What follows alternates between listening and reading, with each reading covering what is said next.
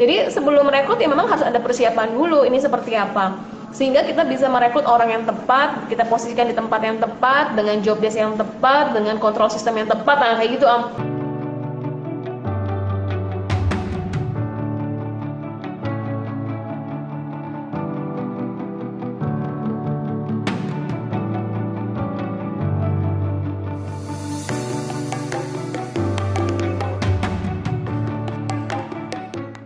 Kang di di sana aman semuanya untuk apa? Ya, di kita di kita ya lagi pusing juga sih secara operasional karena ada beberapa yang ini yang kena jadi kita juga harus harus ini. Oh, kalau kalau aku akhirnya WFH semua Om. Kalau tim yang produksi packing gitu bisa. Akhirnya dia uh, standby. Sendirian. Karena yang lain karena kalau di kalau di aku alhamdulillah kami udah kebagi dua uh, dua tim. Jadi tim yang satunya itu uh, tim packingnya tersendiri. Yang stay di aku itu tinggal yang buku-buku aja. Karena untuk produk-produknya yang lain kita udah ada tim yang di sana. Satu lagi di gudangnya gudangnya pisah gitu. Jadi operasional yang dailynya di kami udah WFH semua. Wow, satu ini ini yang namanya bisnis autopilot ya sebenarnya. Bisa jalan sendiri. Amin, amin, amin. Ya paling PR-nya adalah koordinasi. Jadi sekarang dari 60-an karyawan tuh ya uh, challenge-nya adalah bagaimana untuk uh, fast respon antar sesama tim gitu kan ya. Kalau aku nanya apa, mereka gimana caranya supaya fast respon. Nah, ini masih di masih berproses kan. Nah, itu uh, kalau pengen uh, berkaitan dengan materi kita, tema kita hari ini berkaitan dengan autopilot itu pun uh, sama Om berproses. Jadi ibaratnya kayak kita berenang ya. Kita berenang tuh pasti nggak mungkin langsung diving ya. Langsung di laut gitu yang dalam banget. Pasti kita mainnya dicetek dulu. Main yang cetek dulu kemudian main yang sepinggang kemudian main yang sedada ya. Nanti baru yang eh, 1,5 meter kayak gitu. 1,7 meter. Nah berproses aja jalanin bisnis tuh. Karena eh, gimana caranya eh, kita tuh bisa pantas atau kita bisa menjalankan bisnis dengan tim yang banyak kalau dari satu dua tim aja kita masih belepotan ya kan? Baru baru punya karyawan dua aja kita udah baperan. Kita udah bingung cara kontrol kinerjanya mereka. Jadi ibaratnya kalau aku bahasanya tugas kita tuh memantaskan diri. Jadi sekarang eh, oke kerja sendirian nih. Nah sekarang belajar rekrut. Belajar rekrut juga ternyata ada ilmunya ya eh, rekrutmen tahun 2013 aku pernah mem-PHK semua karyawan om tahun 2013 jadi karyawan Semuanya? waktu itu udah sekitar Iya semua karyawan waktu itu udah sekitar sepuluhan. Jadi ka- karyawan makin banyak omset malah makin turun. Apa yang salah gitu kan ya? Ternyata ya setelah saya pelajari eh, kesalahan kita sa- bukan kita kami kesalahan saya adalah dimulai dari salah cara merekrutnya jadi salah cara merekrutnya, salah orang yang direkrutnya, salah persiapan dari eh, sebelum merekrutnya. Jadi sebelum merekrut ya memang harus ada persiapan dulu ini seperti apa. Sehingga kita bisa merekrut orang yang tepat, kita posisikan di tempat yang tepat, dengan job desk yang tepat, dengan kontrol sistem yang tepat, nah kayak gitu Am. Jadi akhirnya waktu itu udah pusing banget, aku berhentiin semuanya, barulah belajar. Jadi dari tahun 2011 ke 13 tuh aku cuma belajar ilmu marketing sama produksi, marketing produksi, marketing produksi aja gitu kan ya. Ternyata ada yang lupa bahwa kalau mau bisnisnya autopilot, kita harus belajar bagaimana ilmu HRD. Ya, ya, kan adanya di perusahaan besar tuh ya ilmu HRD dari rekrutmen seperti apa, controlling seperti apa, SOP, KPI, apa bla bla bla itu. Nah itu ternyata kalau kita mau bisnisnya autopilot, hal itu nggak boleh terlupa. Sedangkan dulu aku, oh, aku memang orang marketing banget, aku senang di dunia marketing kan. Eh, kemudian dan terlanjur produksi juga. Jadinya ya harus yang aku pelajari ilmu produksi sama ilmu marketing dan ternyata itu nggak cukup.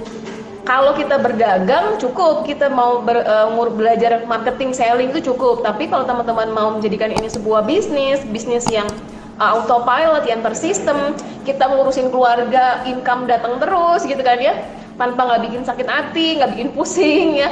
Itu ternyata butuh ilmu dan itu ilmunya memang harus belajar uh, seperti perusahaan-perusahaan besar. Kalau kita lihat Alfamart, Indomart mana ada ownernya turun? Ya kan? Mereka punya ribuan cabang ya. Mereka punya ribuan cabang mana ada yang turun ownernya kan gitu Jadi ayo auto apa bisnis online kita harus bisa se, se autopilot Indomaret, Alfamart mereka juga toko kan, mereka juga jualan palu dada kan gitu. Tapi mereka bisa kok ownernya udah tinggal nerima laporan aja. Nah aku pengennya bisnisnya yang seperti itu sehingga aku bisa kembali full menjadi full time mom. Itu intinya. Hmm.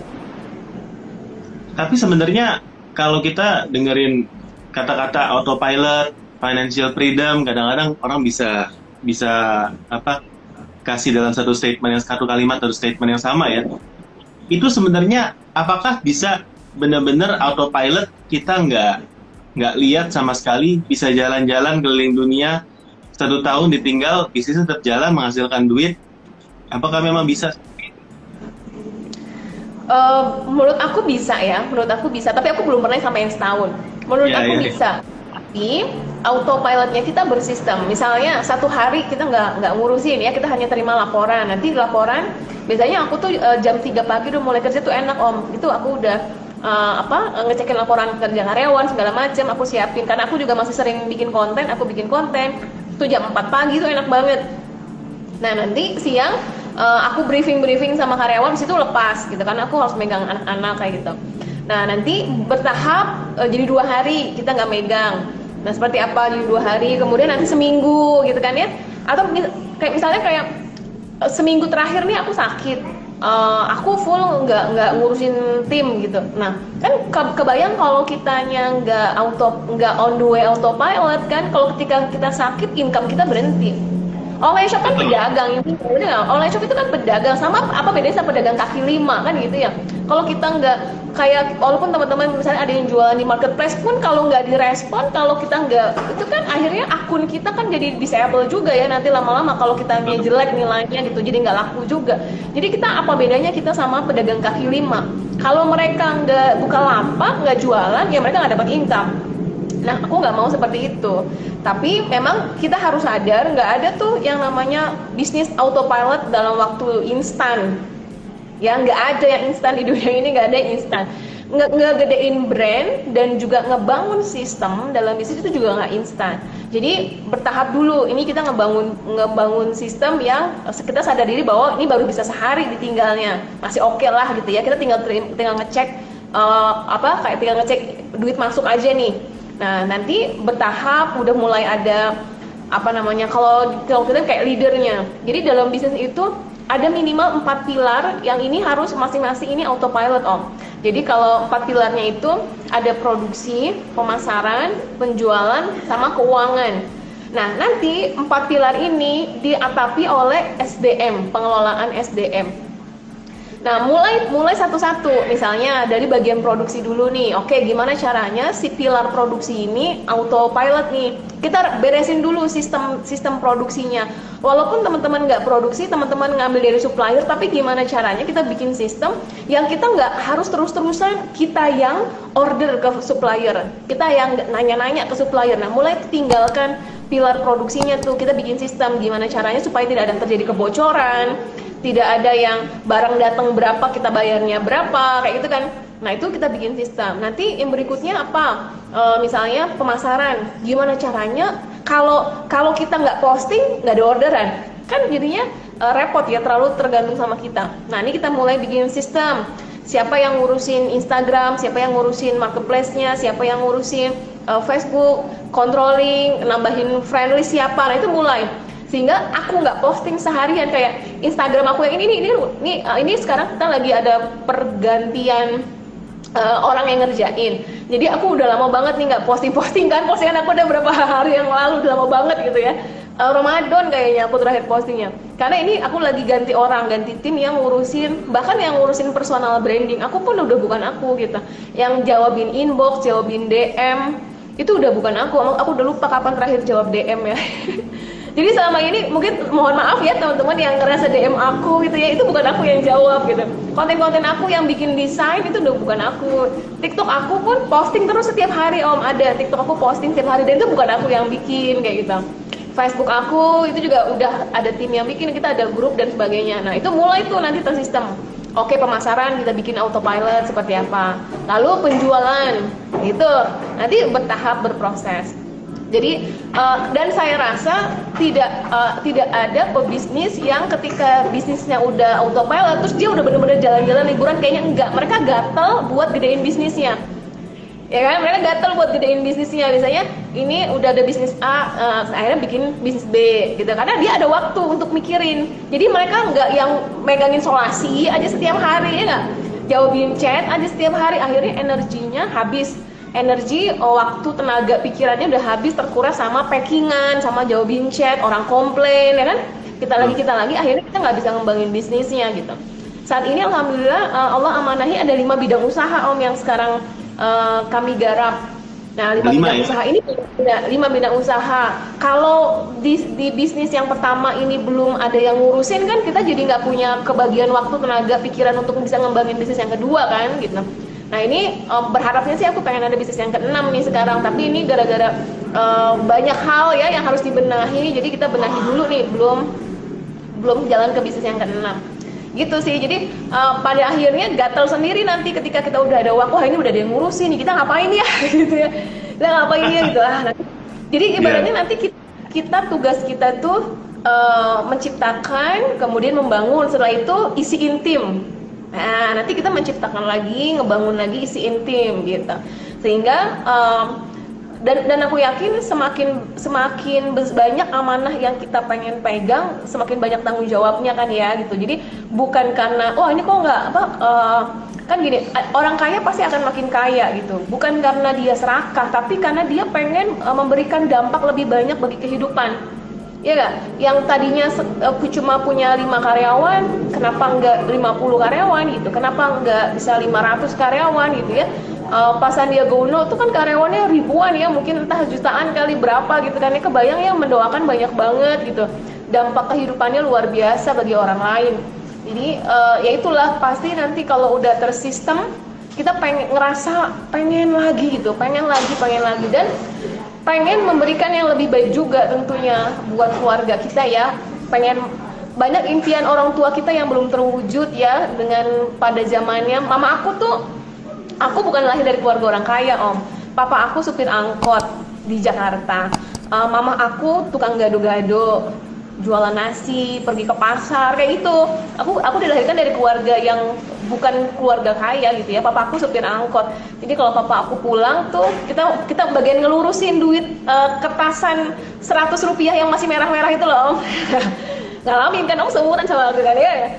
Uang yeah. 100 rupiah, nah, terus oh, uang 500 rupiah yang gambar monyet itu loh. Orang hutan ya, orang hutan ya kayak gitu Nah itu masa kecil aku kayak gitu. Jadi aku pengen banget mewujudkan impian-impian dari impian orang tua yang belum terwujud gitu. Nah kan ya kita harus berjibaku kan ya. Jadi uh, orientasinya bukan hanya perut kita sendiri, bukan hanya keluarga kecil kita sendiri gitu. Kita juga banyak orang-orang yang pengen kita bahagiain.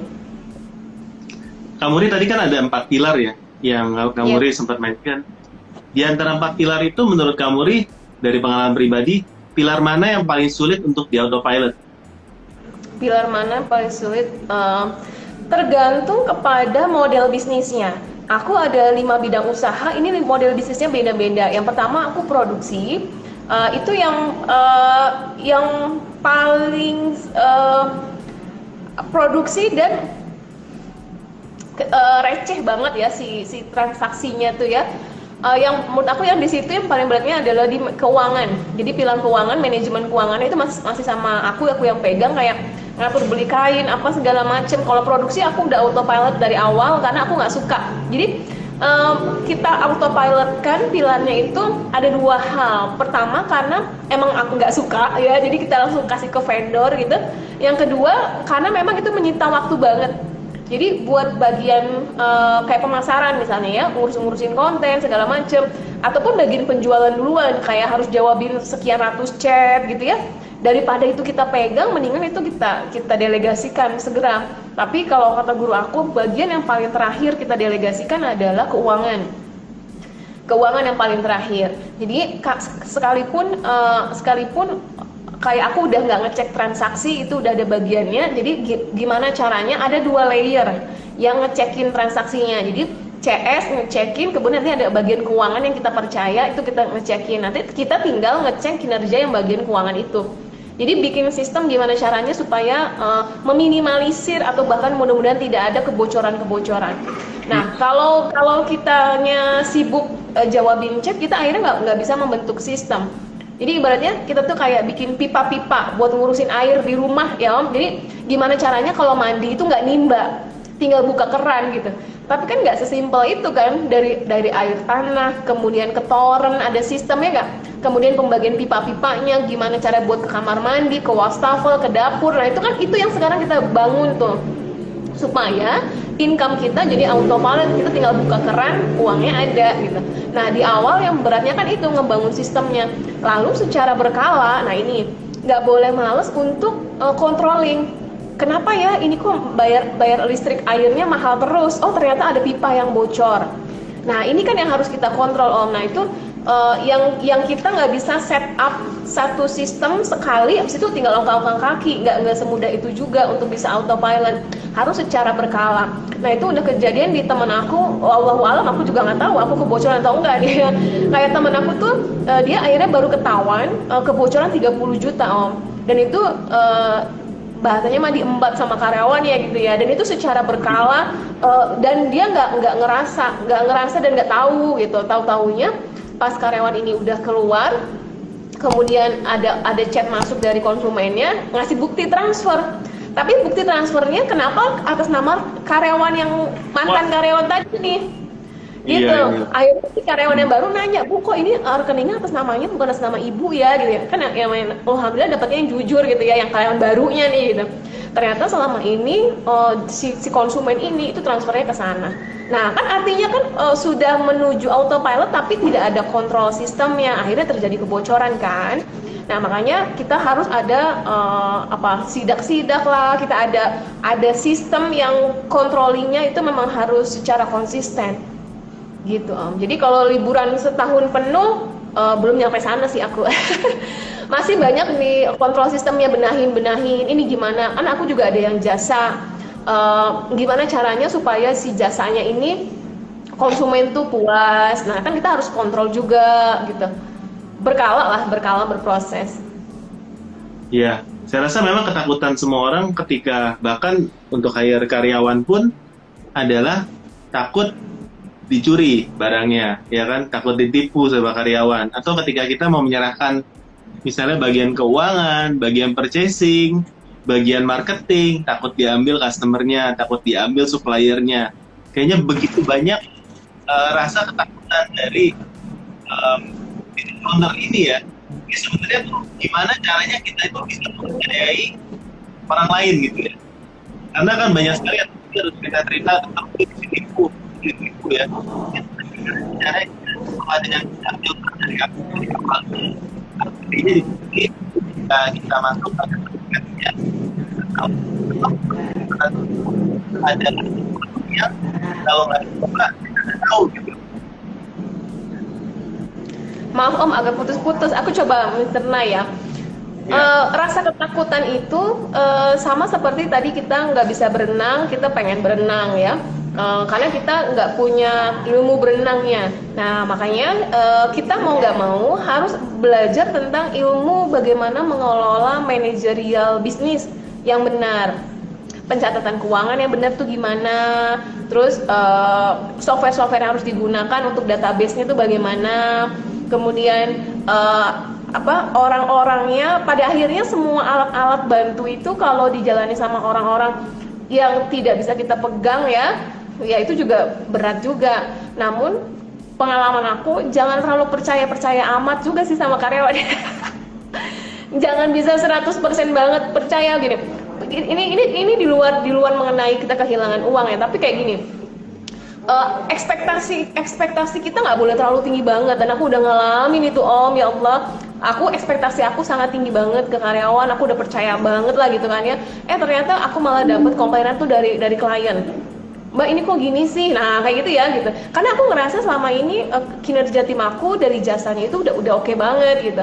Tapi ya itu karena uh, lemah di kontrol kitanya males kontrol karena kita udah saking percaya. Sepercaya percayanya kita controlling dari kita itu wajib wajib banget harus harus ada gitu. Nah jadi itulah yang yang menghilangkan uh, ketakutannya kita. Ya misalnya oh kita takut kecuali ya udah sidak aja cek aja ya gitu. Jadi kitanya yang jangan males untuk tetap terjun. Tapi terjunnya di sini kita bukan melayani secara satuan kan tapi kita controlling. Nah uh, ketika nanti ya kayak tadi kita udah punya pipa segala macam controllingnya udah harus rajin wah ini ada pipa mana yang bocor? Kayak gitu. Ini uh, balance nggak? Kayak misalnya stok gudang. Harus ada uh, itu apa namanya? Stok opnam. Stok opnam nih per uh, per dua minggu sekali per seminggu sekali. Bahkan kayak Alfamart itu setiap hari mereka ada ada itu kan? Apa? Stok opnam kan? Mereka setiap hari. Dan itu kita harus menggunakan sistem siapa yang bertanggung jawab. Gitu. Nggak boleh nggak enakan kita uh, di, di sistem masih ada masih ada 10 tapi di rak ternyata cuma ada 5 5 lagi ke mana? Nah gitu. Maka semuanya harus uh, ada yang jelas dan ada yang siapa yang bertanggung jawab. Jadi nggak ya udahlah gitu. Akhirnya kita lagi yang nanggung kerugian ya udahlah salah kirim ya. Pesannya dua uh, ke kirimnya satu. Satu lagi kan harus ongkir lagi ya. Nah itu siapa yang nanggung? Nah peraturan peraturan itu harus ada di atas hitam di atas putih siapa yang bertanggung jawab dan sebagainya. Nggak boleh cuma rasa nggak enakan nggak boleh kita lagi kita lagi yang nombokin gitu. Karena kalau kita lagi kita lagi yang nombokin akhirnya karyawan santuy aja dia. Gitu. Dan tapi kan kita jadi nggak mendidik ya. Kasihan kan? Dia melakukan kesalahan terus kapan dia pinternya. Nah antara kelembutan dengan ketegasan harus balance aku jarang marah-marah mungkin aku nggak pernah ya marah-marah sama karyawan oh ya gitu ya enggak ya gitu. Tapi ketika aku harus tegas enggak lah lu ganti lu yang lu yang salah kirim ya ganti udah gitu. Jadi ada kelembutan ada ketegasan. Hmm. tapi nggak perlu ngomel-ngomel karena kalau ngomel-ngomel rugi banget ya ini kerutan-kerutan nanti kembali ya mahal perawatannya kan kita ya. Aduh. Saya takut suaranya nggak putus-putus ya tapi uh, kalau jelas saya ingin tanya uh, minta dari kamu nih mungkin kasih motivasi. Jelas ya motivasi satu kalimat buat closing aja motivasi buat teman-teman yang lagi merintis ya. Motivasi buat teman-teman yang lagi uh, down karena situasinya sekarang itu motivasi buat teman-teman yang sekarang mau cari karyawan tapi lagi takut ada rasa takut Uh, kalau dibilang lagi down, uh, se setegar-tegarnya apa pun aku pernah down ya, gitu ya, luar biasa. Kembali lagi, uh, ini ini sebenarnya pandemi ini bukan hanya menguji dari segi fisiknya kita, tapi yang pertama, yang paling pertama kamu aku adalah uh, tauhidnya kita ya Om, apa kepercayaan kita sama Tuhan gitu. Bagaimana kesekuat apa kita pegangan sama Tuhan? Itu kalau menurut aku uh, kita lepas aja gitu ya dari Tuhan sedikit itu udah langsung terpuruk banget. Aku pun ngalamin juga fase itu gitu. Ketika kita terlepas dari Tuhan tuh uh, hidup kayaknya hancur banget. Oh kayaknya nggak akan mungkin deh kayaknya nggak akan mungkin nih kayak gitu ya. Tapi ketika kita pegangannya kuat sama Tuhan uh, tenang gitu. Tuhan kita lebih gede daripada masalah yang ada gitu Tuhan kita lagi nungguin sebenarnya udah nyiapin duit kita di depan udah nyiapin cukup kok gitu kan bisa kok gitu. Tuhan lagi nyiapin aja lagi ngeliatin Tuhan lagi ngeliatin. Oke Muri lu mau ada dikasih tantangan kayak gini melakukan apa gitu? Cuma nangis di pojokan atau ikhtiar kan gitu. Jadi selama uh, kita connectingnya kuat sama Allah sama Tuhan kita uh, itu yang akan menguatkan pada akhirnya. Jadi uh, ber, ber apa namanya ya bergaulan sama orang-orang yang uh, kuat terhadap kedekatan mereka terhadap Tuhan. Jadi ketika kita curhat tuh harus pilih-pilih ya Om gitu ya. Ketika kita curhat nih jadi panjang banget closing statementnya. Ketika kita curhat sama orang-orang yang jauh dari Tuhan, iyalah hidup memang gini ya. Nah kan gitu kan ya. Ya udahlah hidup memang kayak gini ya gitu. Gue mah sial mulu orangnya. kayak gitu kalau kita salah curhat sama orang yang dia uh, tidak berpegang kuat sama Tuhan nanti kita ke bawah-bawah gitu. Jadi penting banget untuk kita teman-teman pilih siapa teman dekat kita. Kita harus berteman sama semua orang gitu. Tapi berteman dengan orang-orang yang kuat teguh pegangannya sama Tuhan itu akan mempengaruhi juga keteguhan kita terhadap kehidupan ini bahwa everything is gonna be okay, everything is gonna be okay. Ini aku sedang menasihati diri sendiri nih ya. everything is gonna be okay gitu ya. Tuhan udah nyiapin semua solusinya gitu. Tidak ada ujian yang lebih berat uh, yang tidak sesuai takarannya. Nah, itu itu penting banget ya, Om. Tidak ada ujian yang tidak sesuai takarannya. Saya sama Om tidak akan mungkin dikasih uh, ujian ngurusin negara ya, karena takaran kita nggak nyampe sana ya. Kita nggak akan jadi kita nggak yeah. akan jadi presiden sekarang karena emang apa kemampuan kita belum nyampe sana. Tapi online shop yang sudah Allah kasih itu udah sesuai takarannya kita sekarang. Karyawan yang udah dititipin uh, sama ke om ke saya ke teman-teman itu udah takarannya. Teman-teman pasti bisa menghadapi ini deh. Amanah orang tua mertua adik kakak yang teman-teman menjadi tulang punggungnya tenang. Teman-teman itu udah sesuai takarannya teman-teman dititipin masalah itu udah sesuai takarannya pasti bisa. Tinggal bagaimana eh, kita pegang terus connecting kita sama Allah. Thank you banget Kamuri untuk uh, sharingnya. Nah buat teman-teman tentunya ya yang yang belum pernah apa kesempatan baca ini buku saya rekomendasi banget ya. Saya sendiri lagi proses baca nih.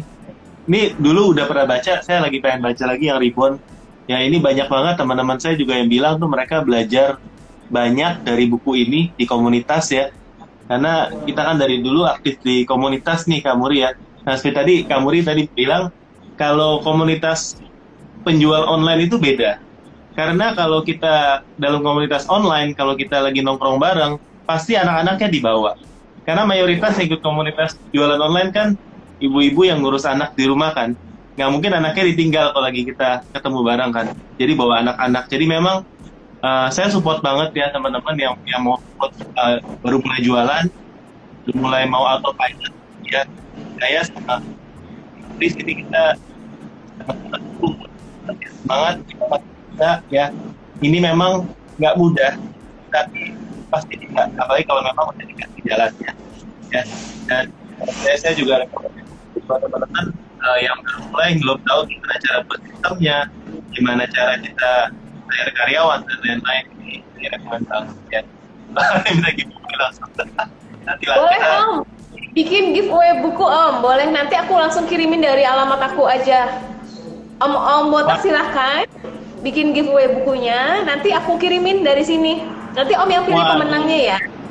Boleh boleh. Nah ini teman-teman dari tadi yang sudah nonton ya. Saya uh, ingin bikin giveaway nih. Kebetulan Kamuri support ya. Thank you banget nih Kamuri ya syaratnya mungkin uh, teman-teman screenshot ya in, in, apa live-nya ini sekarang screenshot habis itu kasih summary atau hal-hal yang sudah dipelajari dari gimana sih kita bisa bisnis online bisa autopilot ya. Nah nanti tag uh, Instagramnya Tom Botak Amuri Handayani ya. Nanti yang dari uh, ininya paling bagus ya yang paling benar-benar uh, sesuai ya ini yang kita pilih jadi pemenangnya ya Kak Putri ya. Atau ada tambahan? Mau perlu, perlu apa lagi syaratnya? Boleh, nanti syaratnya mention ke akunnya Cerita Om Botang dan juga ke akun aku Muri Handayani ya. Uh, nanti ini makasih idenya loh Kak Muri. ini adik aku nih yang tinggal di Inggris sekarang. Ini juga pengusaha wow. keren banget. Kreatif banget anaknya seniman ya. Kak Muri ini sekarang tinggal di Inggris. Nah, Kak Muri ini juga uh, ada bisnis jasa sama bisnis produk. Nah, jadi uh, terima kasih loh ide giveaway-nya ya. Jadi nanti teman-teman silakan screenshot, tolong buka Mak Muri yang cantik ya. screenshot nanti boleh masukin insight-insight apa yang didapat dari live-nya ini ya. Jadi Om ya nanti mention ke akunnya cerita Om Botak dan juga uh, ke aku. Nanti Om Botak aja yang pilih deh. Aku suka nggak enakan kalau pilih tuh. Nanti okay. uh, pro, uh, bukunya aku kirim dan ongkirnya aku traktir. Wow, ya thank you banget. Uh, teman-teman jadi jangan lupa ya screenshot lalu summary kalau buat teman-teman yang tadi belum sempat ini boleh tonton ulang nanti saya save yang ini yang sepenggal kedua yang pertama ya, ya sehat-sehat amin. Nah, terus berkarya.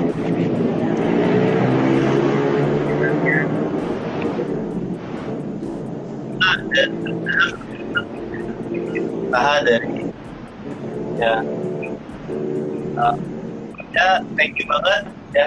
Semoga kita punya kesempatan untuk live di lain lain waktu Amin. Terima kasih Om. Sehat-sehat ya Om ya. Yo. Terima kasih teman-teman.